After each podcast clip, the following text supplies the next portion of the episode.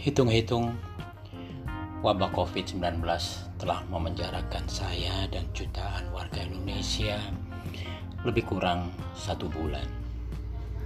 Saya merasakan menghitung hari demikian lama sejak pemerintah menetapkan social distancing setelah virus corona merasuk ke negeri kita tatkala riuh rendah corona muncul pertama kali di Wuhan, Tiongkok, disusul Italia dan belahan bumi lainnya. Termasuk negeri adidaya Amerika yang membuat negeri ini tak berdaya. Siapa yang tidak khawatir, termasuk saya, manakala virus menyebar dan menghasilkan angka bak deret ukur mereka yang positif COVID-19 baik yang terpaksa harus tergolek atau dirawat di rumah sakit maupun yang meninggal terus bertambah. Sebagai manusia biasa, sekali lagi manusia biasa, siapa yang tidak khawatir? Seperti halnya saya Istri saya berprofesi sebagai perawat. Karena profesi dan tugasnya, ia harus bekerja di rumah sakit secara fisik. Tidak seperti saya yang quote unquote leluasa tinggal di rumah. Di rumah sakit, istri mau tidak mau harus berhadapan dengan COVID-19 yang ibarat perang virus ini melakukan aksi gerilya dan bersembunyi di tubuh pasien atau pengantar pasien. Sejak COVID-19 mewabah, ada saja kabar tak sedap dari istri tentang adanya tenaga medis, entah itu dokter, perawat, atau karyawan rumah sakit yang terpapar corona.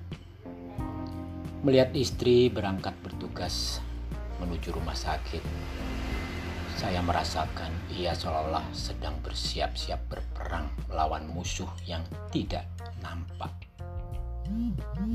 Pulang dari rumah sakit, saat istri batuk atau bersin, saya menganggap itu sebagai ancaman buat saya.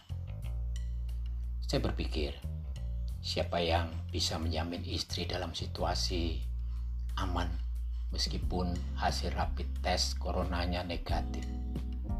Pasalnya, yaitu tadi, di rumah sakit banyak pasien dengan aneka rupa penyakit.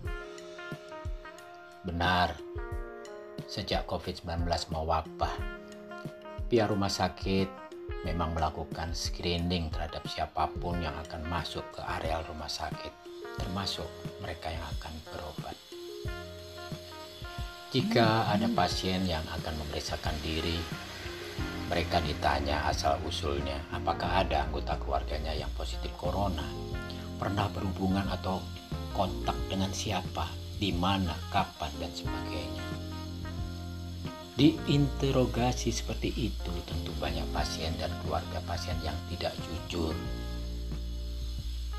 dan inilah yang menyebabkan mengapa banyak tenaga medis yang terinfeksi COVID-19.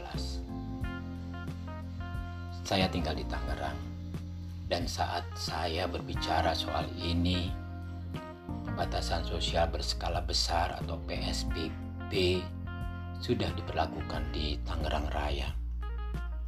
Baru berjalan dua hari. Sekali lagi menghitung hari, menurut saya demikian lama saya hanya bisa berharap semoga badai COVID-19 segera berlalu dan Tuhan yang Maha Kasih tetap melindungi kita, melindungi bangsa Indonesia. Ya, melindungi bangsa tanpa melihat siapa kita.